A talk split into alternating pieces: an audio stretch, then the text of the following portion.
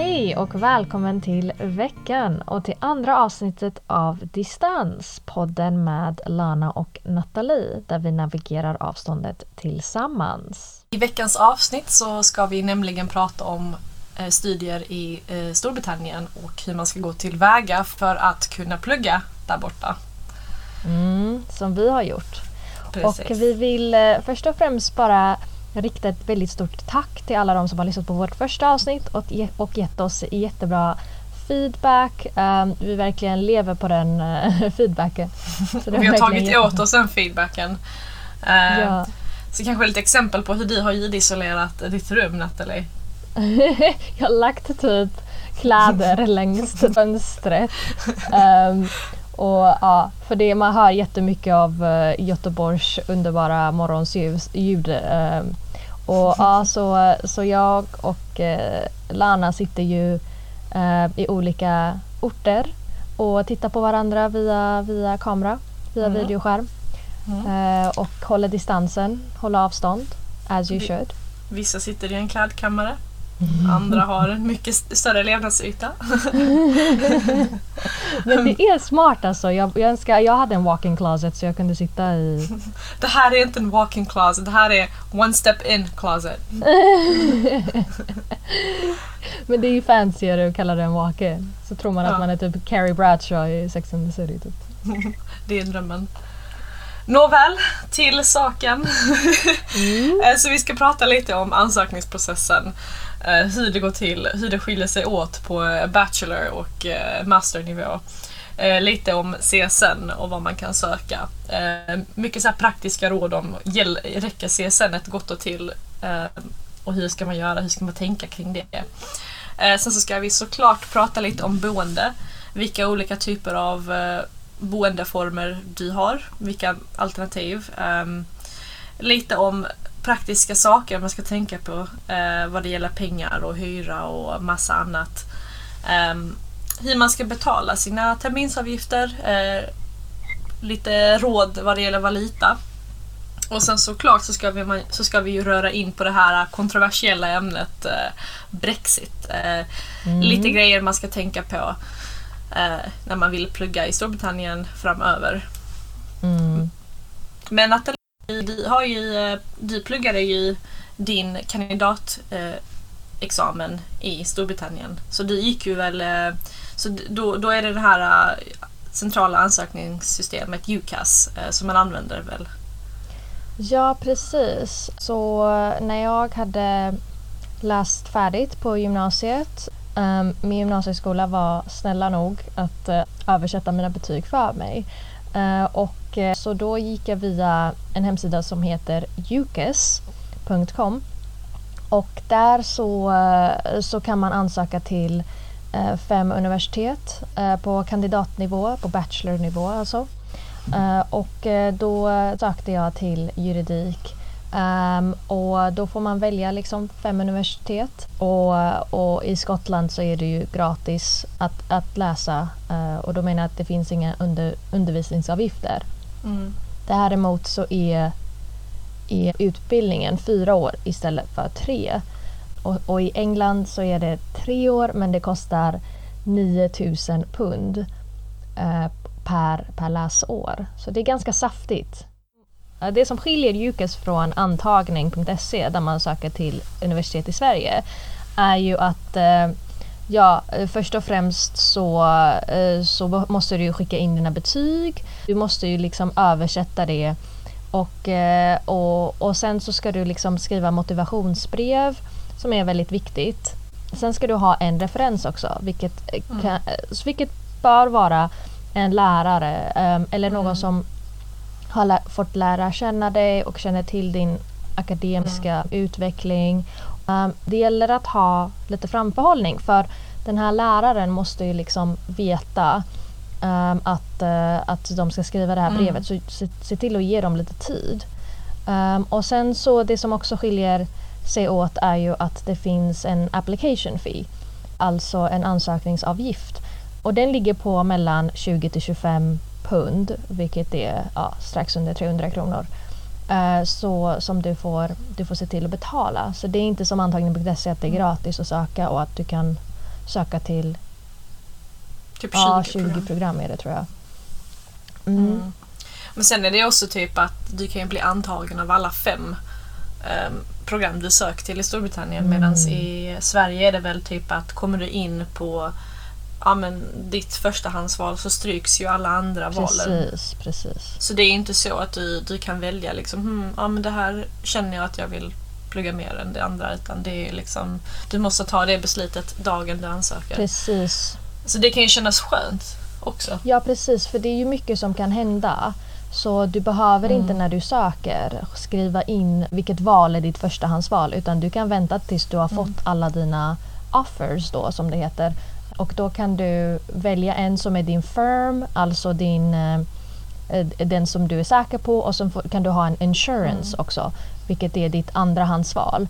Och eh, ja, oftast så är det ju att man får, man får antingen en rejection, att man inte har kommit in, eller så får man en unconditional offer eller så får man en conditional offer. Villkor. Unconditional är att det, det är ett villkorslöst erbjudande.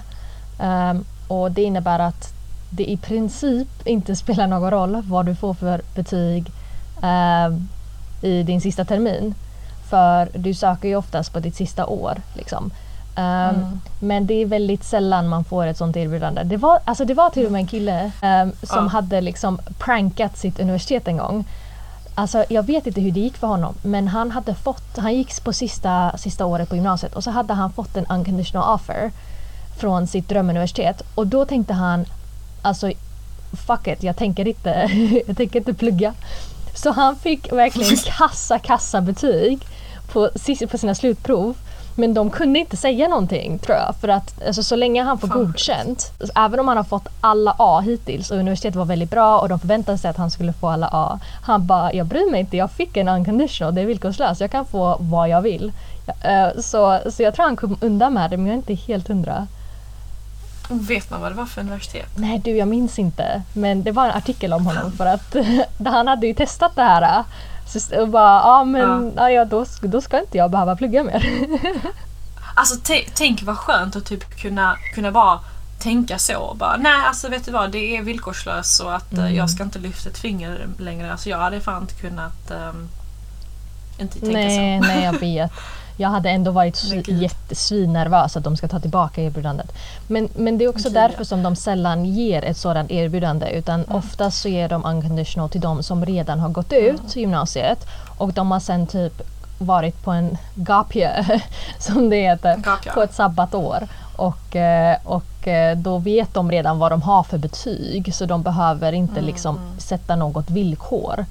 Eh, så, Precis. så, så på så sätt kan det gå till. Och eh, en annan eh, sak värd att tillägga är att de som har eh, ett unconditional offer, du vet oftast vem de är för att de slutar inte prata om det. Och det är, så, ja, men det är klart, man ska, ju, man ska ju vara glad över sånt. Det är en fantastisk möjlighet och det är väldigt um, udda och det är väldigt eh, ovanligt att få det. Så, såklart, men Oh ja, det, det är ju... Det påminner mig om mig, det påminner mig om en skitjobbig kille när jag gick på, på universitet. Och han typ så här brukade skryta om att han bara ah, nej men bara så ni vet jag kom in på Oxford och Cambridge och, och jag valde att inte gå där för jag ville, jag ville vara någonstans där jag får riktigt briljera så jag kom till det här universitetet istället. Och det var typ folk som trodde på honom. Och de bara men gud Så- vad så smart de- han måste vara. Jag bara men skojar du? Alltså snälla hjärtat. Först och främst så kan man inte komma Så- in på både Oxford och Cambridge. Man måste välja en av dem. Och ain't nobody turning that down för att komma och sätta sig här och typ sluta. Precis. För, för, att vadå? för att då visste han att han inte skulle briljera på de universiteten så han bara nej men jag väljer något sämre så jag inte Nej men han typ menade liksom att där skulle jag bara vara en i mängden för att jag, vi skulle alla vara på Oj. lika hög intellektuell nivå. Och man bara snälla Mm. bror, you ain't kidding nobody. Alltså go back to the seat. Gumman lägg Eller dig! hur? Gumman lägg dig. Oh my God. Vad gör det? Men alltså en, en bra sak att, att veta vad det gäller liksom Oxford och Cambridge det är att söker du in på sådana här väldigt populära program som till exempel läkarlinjen och juristprogrammet då är det ju också att de, de har så många ansökningar och då snackar vi liksom 20 000 ansökningar med folk som har fantastiska betyg. Så det är klart att det är svårt att trots att, all, trots att alla 20 000 uppnår liksom ansökningskravet så är det jättesvårt att välja ut liksom, ja, 400 av de 20 000. Så vad de här universiteten oftast gör är att de lägger till extra prover för att minska ansökningsurvalet mm. och det kan vara att du får sitta ett prov, du blir kallad på intervju så det är liksom det är en mycket tuffare eh, process. Eh, så absolut, har du kommit in på det här universitetet, alltså well mm. done. Mm. Det är ju en av de bästa instituten i hela världen och du har all rätt liksom att, att vara stolt över det. Um, och det, och det, det är jättetufft. Uh, så det är också en, en grej som man får tänka på när man, när man söker. att Don't, don't hedge all your bets på liksom alla populära um, universitet välj gärna liksom ett safeguard för att det kan hända att du tyvärr inte kommer in på liksom alla de fem eller fyra toppuniversiteten du valde. Mm. Um, och och, och, det, och det, det, är bara praktiskt att tänka så. Eller vad tycker du Nathalie? Jo men det, det är helt rätt. Alltså, det finns ju också, förutom Oxford och Cambridge så finns det ju något som heter Russell Group universiteten och det är i mm. Ungefär samma som typ Ivy League i USA. Att det är en grupp universiteter som anses vara väldigt bra. Och det är många som söker sig dit och det förstår jag fullkomligt. Det är jättebra att kolla in på det och om man tror att man kan liksom få de betygen mm. som de brukar kräva så ska man, ska man absolut liksom shoot your shot. Um, men bara för att det universitetet du går på inte är Russell Group så betyder det inte nödvändigtvis att det inte är ett bra universitet. Exempelvis St. Andrews i Skottland mm. är inte med i Russell Group. Men det anses ändå vara en av de bästa universiteten i Storbritannien. Och jag menar Prince William gick ju där och, och inte för att han fick de mm. högsta betygen på gymnasiet. Han var ju typ garanterad en plats på vilket universitet han ville. Men, uh, mm. men det, det behöver inte betyda allt. Och jag mm. känner mm. många som liksom känner det här behovet eller de har den här vikten på sina axlar att de bara om jag inte mm. kommer in på typ Oxbridge så är det helt ovärt att plugga i Storbritannien. Mm. Och, och riktigt så, alltså det behöver inte stämma alls. Um, mm. Men en grej som jag önskar att någon hade berättat för mig är ju att det, det är väldigt mycket enklare att komma in på Oxbridge ifall du ska läsa någon riktig nischkurs. Och, mm. och det här är mm. någonting som inte många berättar för en exempelvis, du, alltså jag läste ju juridik och, och, och det är en av de mest populära programmen att läsa. Och därför så mm. är det liksom, ja, du har väldigt lite chans att komma in. Um, och medan exempelvis jag, jag känner någon som läste typ latin och grekisk mytologi eller typ mm. eller de läser typ eh, alltså någonting verkligen supernisch och specifikt då, då, har, mm. då finns det inte lika många platser på, den, på det programmet förstås. Men det finns inte heller Nej. lika mycket konkurrens. Och då finns det kanske inte heller några speciala extra prover eller så är de ja, hur som helst väldigt speciellt utformade. Så, så om mm. du, du verkligen Alltså om du känner dig jätteosäker på vad du ska plugga men du vet att du måste plugga på Oxbridge då kan ja. det vara en bra idé att liksom kanske kolla på en av de här nischprogrammen om du är super, mm. superintresserad av någonting jättespecifikt. Precis, och, och, det, och det är klart att det är svårare att komma in för att det rör sig om en grundutbildning. Eh, men jag kan tänka mig också att det är nog lite lättare att, att komma in när man söker specifika masterprogram för att då är du också väldigt mån om vad det är du vill specialisera dig i. Mm. Så det, är liksom, det blir ju inte att du, du har en masterutbildning i, jag vet inte, um, juridik bara sådär utan det kanske blir liksom en mer nischad, mm. en mer nischad liksom del av juridiken. Och en av anledningarna till varför det är enklare att komma in på mastersnivå till Oxbridge är ju för att det kostar så mycket mer. För alla mm. kandidatprogram, bachelorprogram i, alltså, ja, i England då kostar 9000 pund. Så det ska inte skilja sig mellan universitet och universitet. Um, så vare sig du går på eh, ett, ett universitet med väldigt lågt anseende eller om du går på en av de bästa så betalar du lika mycket. Medan på masternivå mm. så kan det skilja sig oerhört mycket. Um, oh, ja. Och det kan kosta en halv miljon kronor i studieavgifter att läsa ett år på mm. Oxbridge på ett mastersprogram. Um, mm. Eller typ så Imperial ja. eller alla de här London. Det är, det är verkligen alltså det är USA-nivå på de studieavgifterna. Mm. Uh, och då blir det lite av en, alltså en marknad för de som har råd. Uh, så du kan ju va, ha jättebra betyg men sen kan du känna att ah, nej, det är jäkligt ovärt att betala så mycket. Så det är ju en viss mm. typ av människor som brukar finnas på de programmen när de kostar så mycket. Uh, men de brukar mm. ibland ha stipendier men de flesta stipendier är oftast för de som kommer från, ja, inte länder som Sverige då. Så det kan vara lite bittert. Um, så ja. en, en, en riktigt cool grej de gör typ i, i Frankrike från vad, jag, från vad jag har fått höra det är typ att eh, de kollar på din familjeinkomst och sen utifrån det så får du din, din liksom, terminsavgift. Men det, men det, det de Det Pro, hände mig lite grann faktiskt på min kandidat. Så jag tog ju studiemedel från CSN och sen finns det också möjlighet att få studiemedel från Storbritannien eh, på mm. Student Finance England. Och eh, de, det är inte lika bra villkor på de lånen um, eftersom det är lite högre ränta och så vidare. Men mitt universitet erbjöd mig ett stipendium men då, och där de skulle liksom dra av från min studieavgift. Men det var mm. bara förutsatt att jag tog de här studielånen för kursavgiften från Storbritannien. Så då fick jag liksom en inkomstbaserad um, stipendium. Så det är, många, det är många universitet som mm. erbjuder olika sorters stipendier och du kan också söka dem från Sverige. Det är ett helt djungel och vi hade kunnat göra liksom fem avsnitt om, om stipendier och lån. Men eh, ja, men ja, eh, så det, det är absolut ett, eh, ett sätt att liksom kunna finansiera det på. Mm. Och då kommer vi till den andra delen av vad vi tänkte diskutera och det var ju CSN. Mm. Um, och precis som, som, som Nathalie sa, att när du får ditt unconditional offer och i väldigt uh, fåfaldigt conditional mm. offer um, så söker du ju CSN. Uh, precis likadant som du hade gjort ifall du kom in på en svensk utbildning.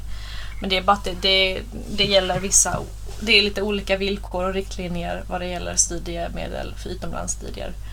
Um, och såklart, du kan ju söka bidrag och studielån uh, som, du, som är då precis likadant som du hade fått i Sverige. Um, du kan till och med söka lån till terminsavgifter. Innan så hade man ju liksom ett belopp som var så infinitum. Mm. Uh, nu är det ju att det är begränsat till cirka var det 300 000, 400 000, något sånt där. Uh, så du får ju tänka liksom, okej, okay, hur mycket kommer mina 3-4 år kosta mig och kommer jag kunna få allting beviljat av CSN? Så det är värt att ha det i åtanke. Um, också ifall till exempel dina terminsavgifter blir dyrare ju, ju längre in i din utbildning du går. Um, du har också merkostnadslån.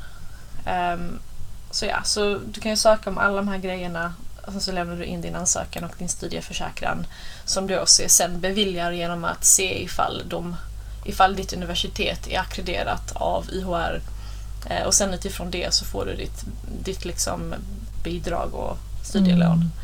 Mm. Uh, men jag tänkte fråga dig Nathalie, i och med att du liksom bodde där borta och du levde ju på CSN. Mm. Um, kände du liksom att, tog du merkostnadslån eller kände du att det räckte gott och till med, med det, det du fick av CSN? Uh, ehm, man kan ju få merkostnadslån för studier utomlands och det tog mm. jag. Och, och jag klarade mig, alltså jag bodde ändå i en väldigt dyr stad i Storbritannien.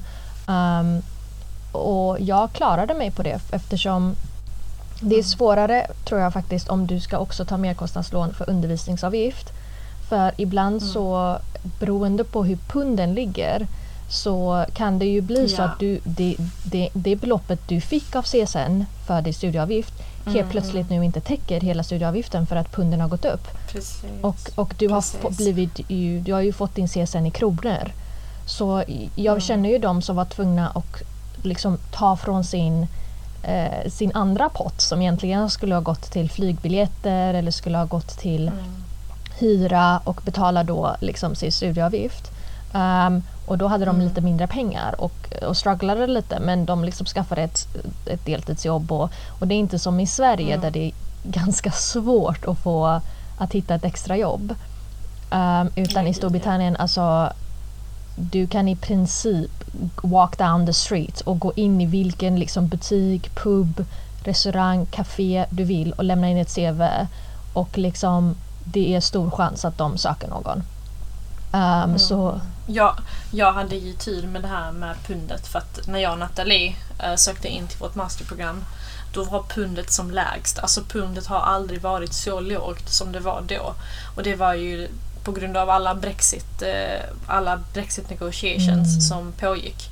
Ehm, och jag kommer ihåg att jag räknade ut liksom ett år efter hur mycket mitt, min terminsavgift hade kostat mig.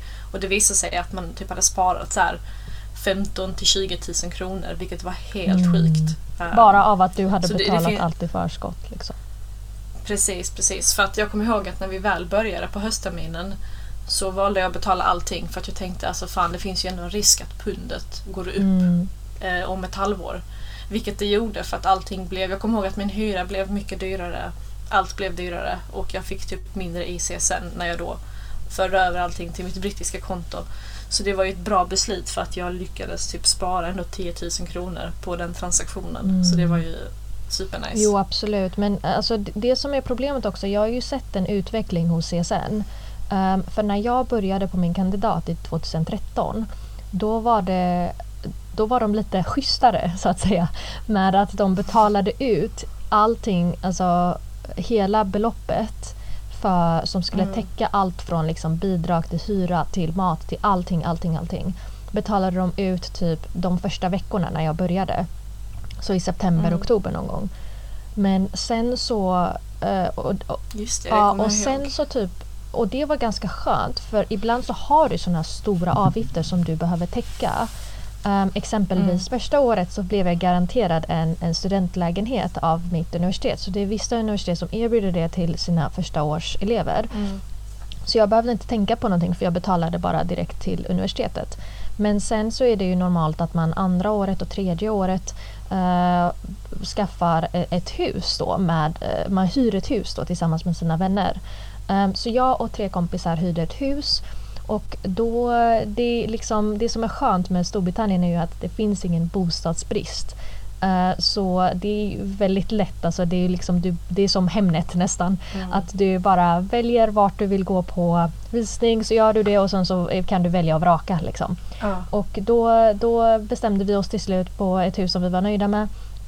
Och då nämnde hyresvärden att ah, men, eh, kan jag få era papper med guarantor eh, underskrifta och, och underskrivna och jag var liksom va? Du bara, vad är det? Eller jag bara, vad är det för någonting? Eh, Varför sa du med skånsk dialekt? jag försökte. Du Varför? typ influensar mig nu. Ehm, och, eh, och jag typ eh, var jätteförvirrad för jag liksom, vad, vad är det? Och det är liksom en försäkran som hyresvärden vill ha. Där, där det liksom är en annan person som då ska vara en, en brittisk person som jobbar i Storbritannien som skriver på och säger att nej men jag, jag går i god för dig i princip. Att om du skulle sluta betala hyra så kan hyresvärden eh, nå den här personen istället och de betalar din hyra åt dig. Och det här är ju högst problematiskt när man inte är britt och man inte har föräldrar i Storbritannien. Och då brukar en tumregel vara att um, hyresvärden brukar fråga då om, om sex månaders hyra i förskott. eh, för att täcka liksom, att om du skulle plötsligt sluta betala så har de halvår på sig att hitta någon som kan ersätta dig. Och, och sex månaders hyra är saftigt. Mm. För det är ju on top av deposit som du ska betala som brukar vara liksom minst en månads hyra. Ja, I vissa fall är det typ till och med tre månaders hyra i förväg för Ja. din liksom så garanti. Och det är typ pengar du får tillbaka sen som du får kriga för för att de går in och inspekterar din lägenhet. Men det är Been en, there, done that. det är, det är en storytime för nästa gång kanske. Ja, eller hur? Typ som gången när, jag, när, vi hade, när vi skulle lämna tillbaka vårt hus och så hade, låg det en tom plastpåse i frysen och, och hyresvärden bara ah, men då drar jag av 5000 kronor på er, eh, på er liksom, eh, deposit för att ni glömde den här plastpåsen. Alltså du vet, så de kommer ju försöka Mm. eh, lura till sig eh, pengar så man får ju sitta och kriga med dem lite. Ehm, men jag hoppas att vi inte skrämmer bort er för mycket nu från att studera- i Storbritannien för det här är tyvärr ett problem Mm. överallt. Jag kan tänka mig hur Um, chockad du blev när, när de Oh bara “You can guarantee” Du bara va? Men som tur var så, var de, så hade de också rötter i Mellanöstern. Mm. Så jag lyckades liksom köra på den här Ej mina landsbroder, snälla bror kom igen, förstå min situation snälla. Du bara “Help brother out” De bara okej. Ja, för jag liksom fick ju förklara att jag, bara, alltså jag kan inte betala sex månaders hyra i för, förskott. Och, och jag kände mig jättehemsk för mina kompisar, liksom, vi hade ju varit på visning och allting. Och Alltså det enda som var kvar var att vi skulle bara skriva på det här Mm. hyreskontraktet. Och, och, men de var förståeliga och de sa liksom att okej, vi gör så här.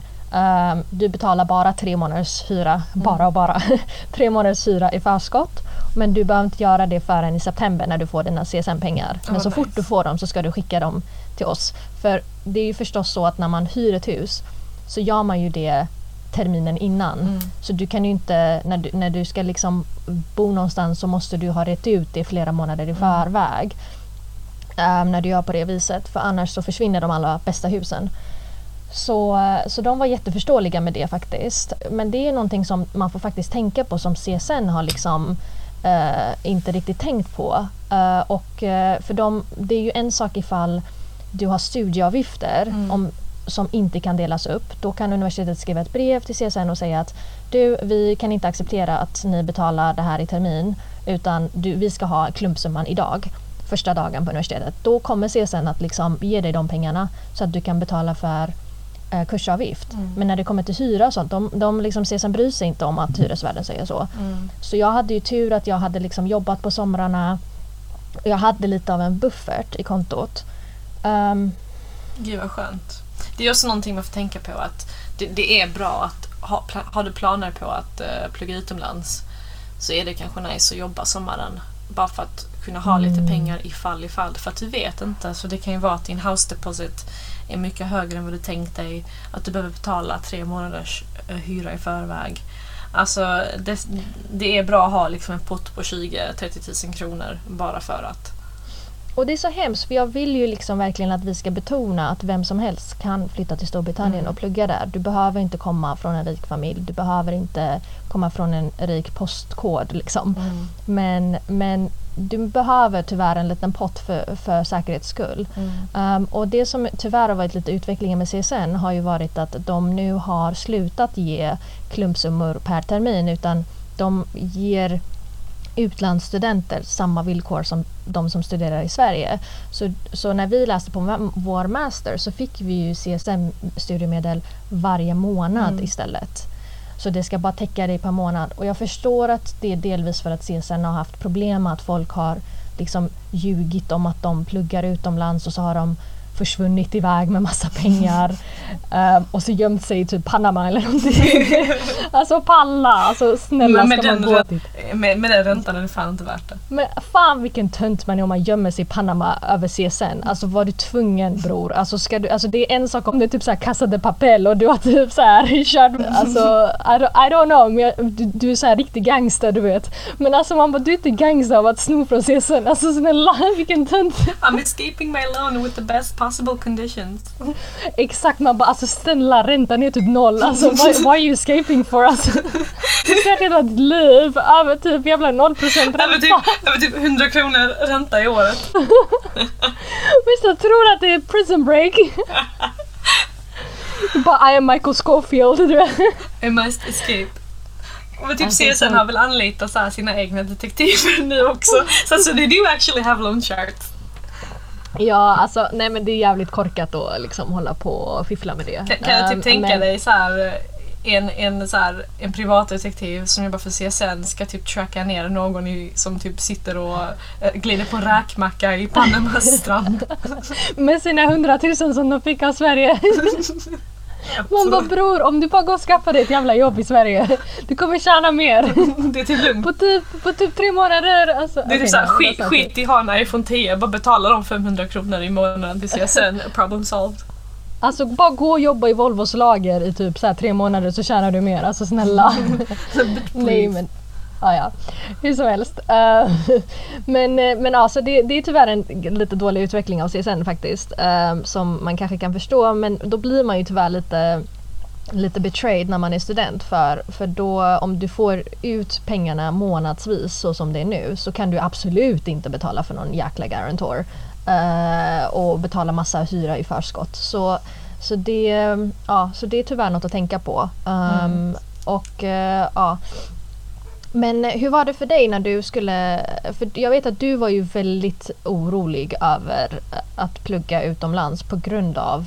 eh, För du var orolig över kostnaderna. Mm. Hur tyckte du att det gick? Jag tycker det gick jättebra. Alltså det jag gjorde var att jag jobbade liksom en sommar eller någon sommar. Samlade ihop lite pengar och sen så tänkte jag bara okej men det här är min buffert ifall ifall. Um, som jag typ använde inte så mycket egentligen. Typ det mesta jag använde använde det på det var typ att resa och liksom käka en massa gott med Nathalie. Um, så det, det, gick, varje dag. det gick jättebra faktiskt. Mm. Ehm, så, så man kan. Eh, man kan och, och ett annat tips är liksom att om du, är, om du gjorde som jag, att du pluggade i Sverige ehm, så kan du ju också ta lån. Om du bor hemma så kan du ju ta lån sista året på, på, på ditt universitet. Lägg undan det lånet så har du 35 000 kronor i pott som du sen kan använda till dina utlandsstudier utöver det CSN att du får. Så det blir som ett, liksom ett merkostnadslån som du själv byggt upp.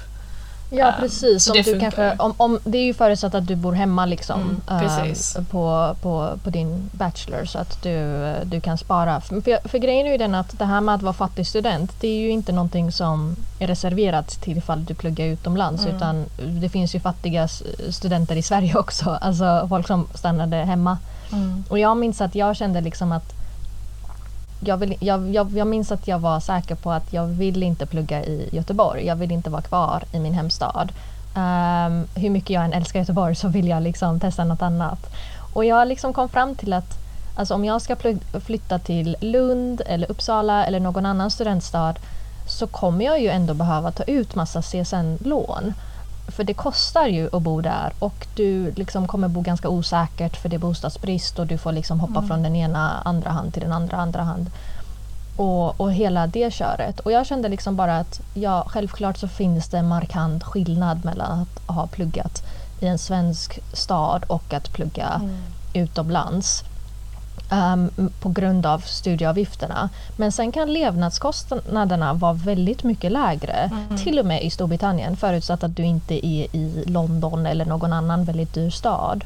Så jag kände liksom att ska jag ha lån så kan jag lika gärna följa min dröm. Mm. Eh, för jag kommer ju samla på mig de här lånen ändå. Och jag tänker inte låta alltså skillnaden mellan att ha 500 000 i studielån och typ 200 000 i studielån vara mm. det som Alltså låta det definiera resten av mitt liv. Eh, och mina mm, liksom, framtidsaspekter. Om, Mm. det, liksom, om det är min dröm. Men jag kan också tänka mig att folk som kanske lyssnar på den här podden nu kanske tar, tar sig åt alla de här råden och all, alltså hela den här diskussionen. Men kanske även tänker, tänker liksom att oj, fast vänta, ansökningsdatumet är ju den 15 januari och jag har missat det. Finns det någon typ av sen anmälan till liksom UCAS eller liksom något annat som man kan tänka sig, an, alltså, tänka sig använda? Mm, mm, det stämmer väldigt bra. Um, jo, för i Storbritannien men också i, eh, i, i många andra länder så, så är de inte lika generösa med ansökningstiden som vi är i Sverige. Där du kan du söker så sent som på våren. ehm, till, du har liksom till 15 april tror jag på dig att söka till ett program som börjar till hösten och sen kan du göra senanmälan och så finns det reservplatser och dittan och hittan och dittan och ja. Och, eh, men i Du bara dittan, Storbritannien- dittan, dittan, hittan, hittan. och, eh, och eh, i Storbritannien eh, som i USA och många andra ställen så är ansökningstiden mycket tidigare. Ehm, um, så man behöver liksom ha framförhållning. Och i Storbritannien så är ju den deadline som Lana sa den 15 januari. Och det är till och med ännu tidigare om du ska söka till Oxford eller Cambridge. Då måste du liksom, då söker du ett år innan du ska börja. Du kanske sitter där och tänker att nu har det här skeppet seglat för, för det är ju maj nu. Men det finns faktiskt eh, ännu ett sätt. Att skicka en senanmälan eh, till prestigefyllda universitet kommer förmodligen inte, inte accepteras. För de brukar redan ha fyllt så många platser, att de, de, alla sina platser, så de, har, de kommer inte ta in några sena mälningar.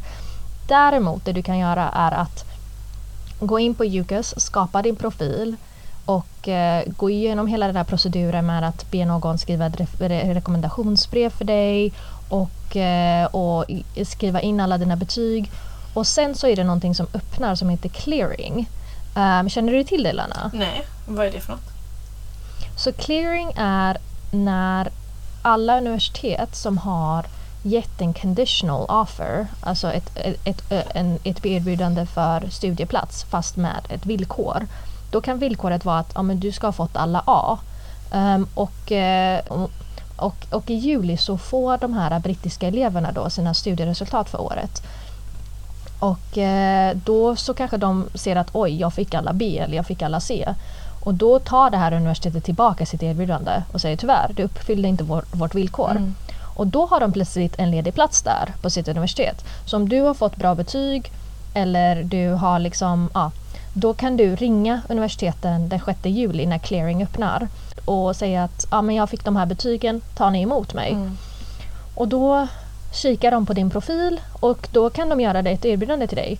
Och då kan det gå från att du 5 juli inte vet vad du ska göra till hösten till att 6 juli ha flera olika antagningsbesked från, från olika universitet i Storbritannien. Och sen får du snabbt som fan eh, söka CSN och allting och reda ut bostad och så vidare. Och börja sen till hösten. Men gud vad sjukt för att alla de här typ hemsidorna online där man har massa gratis information om utlandsstudier. Alltså de har ju aldrig nämnt någonting om clearing. Jag har aldrig, aldrig hört talas om det. Under gymnasiet så pratade jag med omkring tio syokonsulenter um, i Göteborg om allting som rör att plugga ut i Storbritannien och inte en enda gång nämnde de det här för jag tror faktiskt att det, de flesta känner inte till det mm, ens. Mm. Uh, och, och, det är faktiskt ett superbra system att, att liksom komma in utan att ha haft mm. den här uh, framförhållningen att man sökte yeah. liksom, nästan ett år i förväg. Mm. Så, så ditt liv kan ändras den 6 juli om ja, det är så att ja. du drömmer om att plugga i Storbritannien. Och då tänkte jag Lana uh, utlysa en liten tävling. Vi tänkte erbjuda att, att korrekturläsa din, din motivationsbrev. För det här motivationsbrevet är ju förstås superviktigt. För till skillnad från Sverige så, så tittar man i Storbritannien på din helhetsbild helt enkelt. Man tittar inte bara på betyg, även om det väger tungt, så, så väger det inte tyngst. Och då tittar man lite grann på ja, bland annat ett motivationsbrev, på ett rekommendationsbrevet. Och motivationsbrevet så vill de liksom gärna höra varför ska du läsa just det här programmet och eh, berätta, då ska du berätta lite grann om dig själv och då är det en skitbra idé ifall du har gjort lite volontärarbete eller du har varit sportintresserad. Och då tänkte jag Lana att du kanske sitter där och tänker att eh, gud um, jag, jag, jag vet inte vad jag ska skriva eller jag har skrivit någonting och jag, jag vet inte om det är bra. Och, och då har jag och Lana tänkt att ja, men vi kan hjälpa dig. Um, och vi kan läsa det och ge dig lite råd. Och det enda du behöver göra är att liksom följa oss på Instagram och dela vårt avsnitt i din story och tagga oss i det. Vi kommer ju ha den här tävlingen ett, ett bra tag. Ehm, just för att vi vet att det är klart det tar lite tid att bestämma sig ifall man ska plugga utomlands. Ehm, vi kommer täcka flera avsnitt också. Eh, och själva ansökningsprocessen, alltså clearing, är ju fram till juli. Så det finns ingen absolut anledning till att begränsa tävlingen till typ nästa vecka. Så vi håller den här löpande tävlingen fram till uh, mitten av juni Eh, sen hjälper vi um, er med er kollektivläsning. Eh, och förhoppningsvis mm. så kommer ni väl in på det universitetet ni valt. Ja precis, precis. Så, så vi hoppas att vi kan på så sätt bidra lite grann um, och, och hjälpa någon som kanske känner sig helt lost precis. där ute. Och för att tillägga, det här är alltså gratis. Äh, gratis. det här är, oj vad hände där? Det här är gratis rådgivning. Um, vi kommer få dig att gråta. det här är gratis rådgivning. Mm. alltså gratis. Um, och det här gör vi ju uh, för ert eget bästa. Så om ni känner er lite lost, uh, delta i tävlingen, um, dela det här, det här avsnittet, avsnitt två, studera i Storbritannien, dela det på er um, story, tagga oss och sen så kommer vi ha det i åtanke och ja. Vad har du för råd Lana till, eh, till de som funderar på att studera i Storbritannien? Mm råd. Oh. Så mitt råd är definitivt det här med att när du ska betala hyra, när du ska eh, betala terminsavgifter, kolla på pundet. För att du kan verkligen typ spara ihop, alltså på 20 000 kronor kan du spara ihop liksom 500-600 spänn beroende på hur liksom pundet faller. Och just i och med att det är Brexit, eh, det är en väldigt ostabil valuta, så kommer du kunna dra det till din nytta.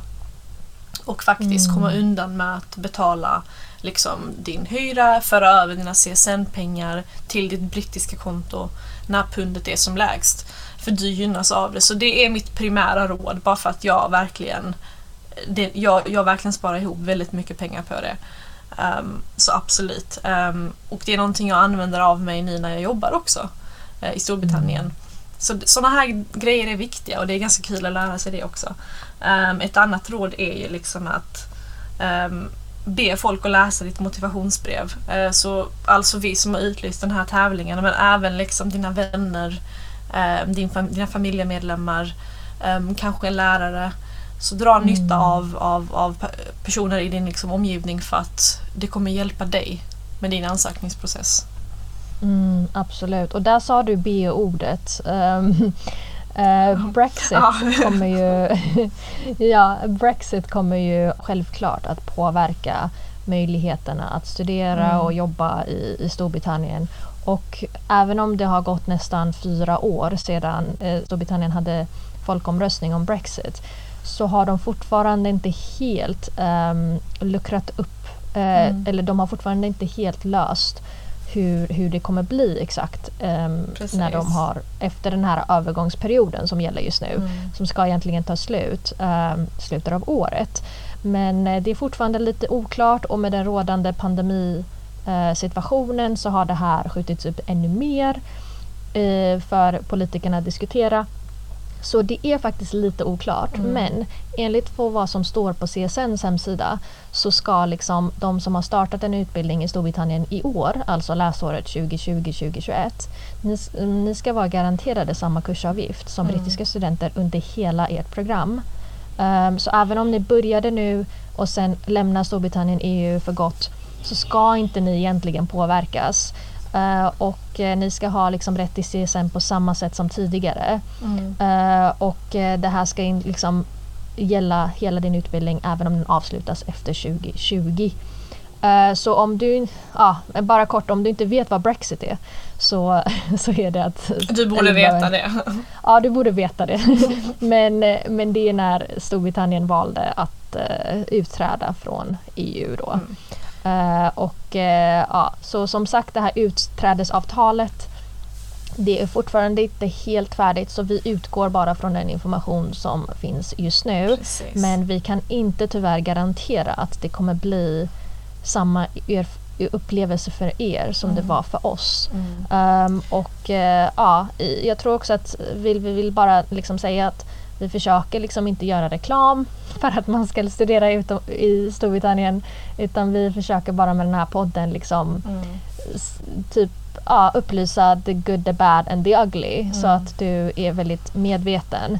Um, för jag vet ju att det också finns de här stora företagen som försöker göra den här ansökningsproceduren för dig mm. och de vill ha massa betalt och eh, de har specifika universitet som du ska studera på. Och eh, ja, de, de försöker ju verkligen få det att låta som det, är, det kommer bli världens bästa upplevelse och ja, Mm. Och de har ju något att tjäna på att du ska liksom studera där. Eh, Medan vi försöker bara liksom från två personer som har suttit i den båten och, eh, och har gjort det här själva så försöker vi bara lite råd, eller hur? Precis, precis. Så, så, som Nathalie sa, eh, vi är inte sponsrade av någon. Vi har inget företag bakom oss eller någon gömd agenda. I wish we did! I wish. Alltså vi har ingen bakom oss. Det här gör vi ytterst, eller det här gör vi för att vi har den här erfarenheten vi har och det är värt att dela med sig det. För att det finns så mycket som jag och hon har gått igenom rent praktiskt som, inte, som man inte kommer hitta på någon hemsida och det är lika bra att liksom prata om det. Um, och vad det gäller Brexit vill jag bara tillägga att Brexit är liksom, det är ett avsnitt i sig. Um, mm. Och det finns så mycket som man inte kommit överens om. Massa, massa små detaljer som till och med CSN eh, säger att de, de står reserverade för att de vet inte liksom hur det kommer se ut. Um, så det här är definitivt något vi kan täcka i flera avsnitt om ni så vill.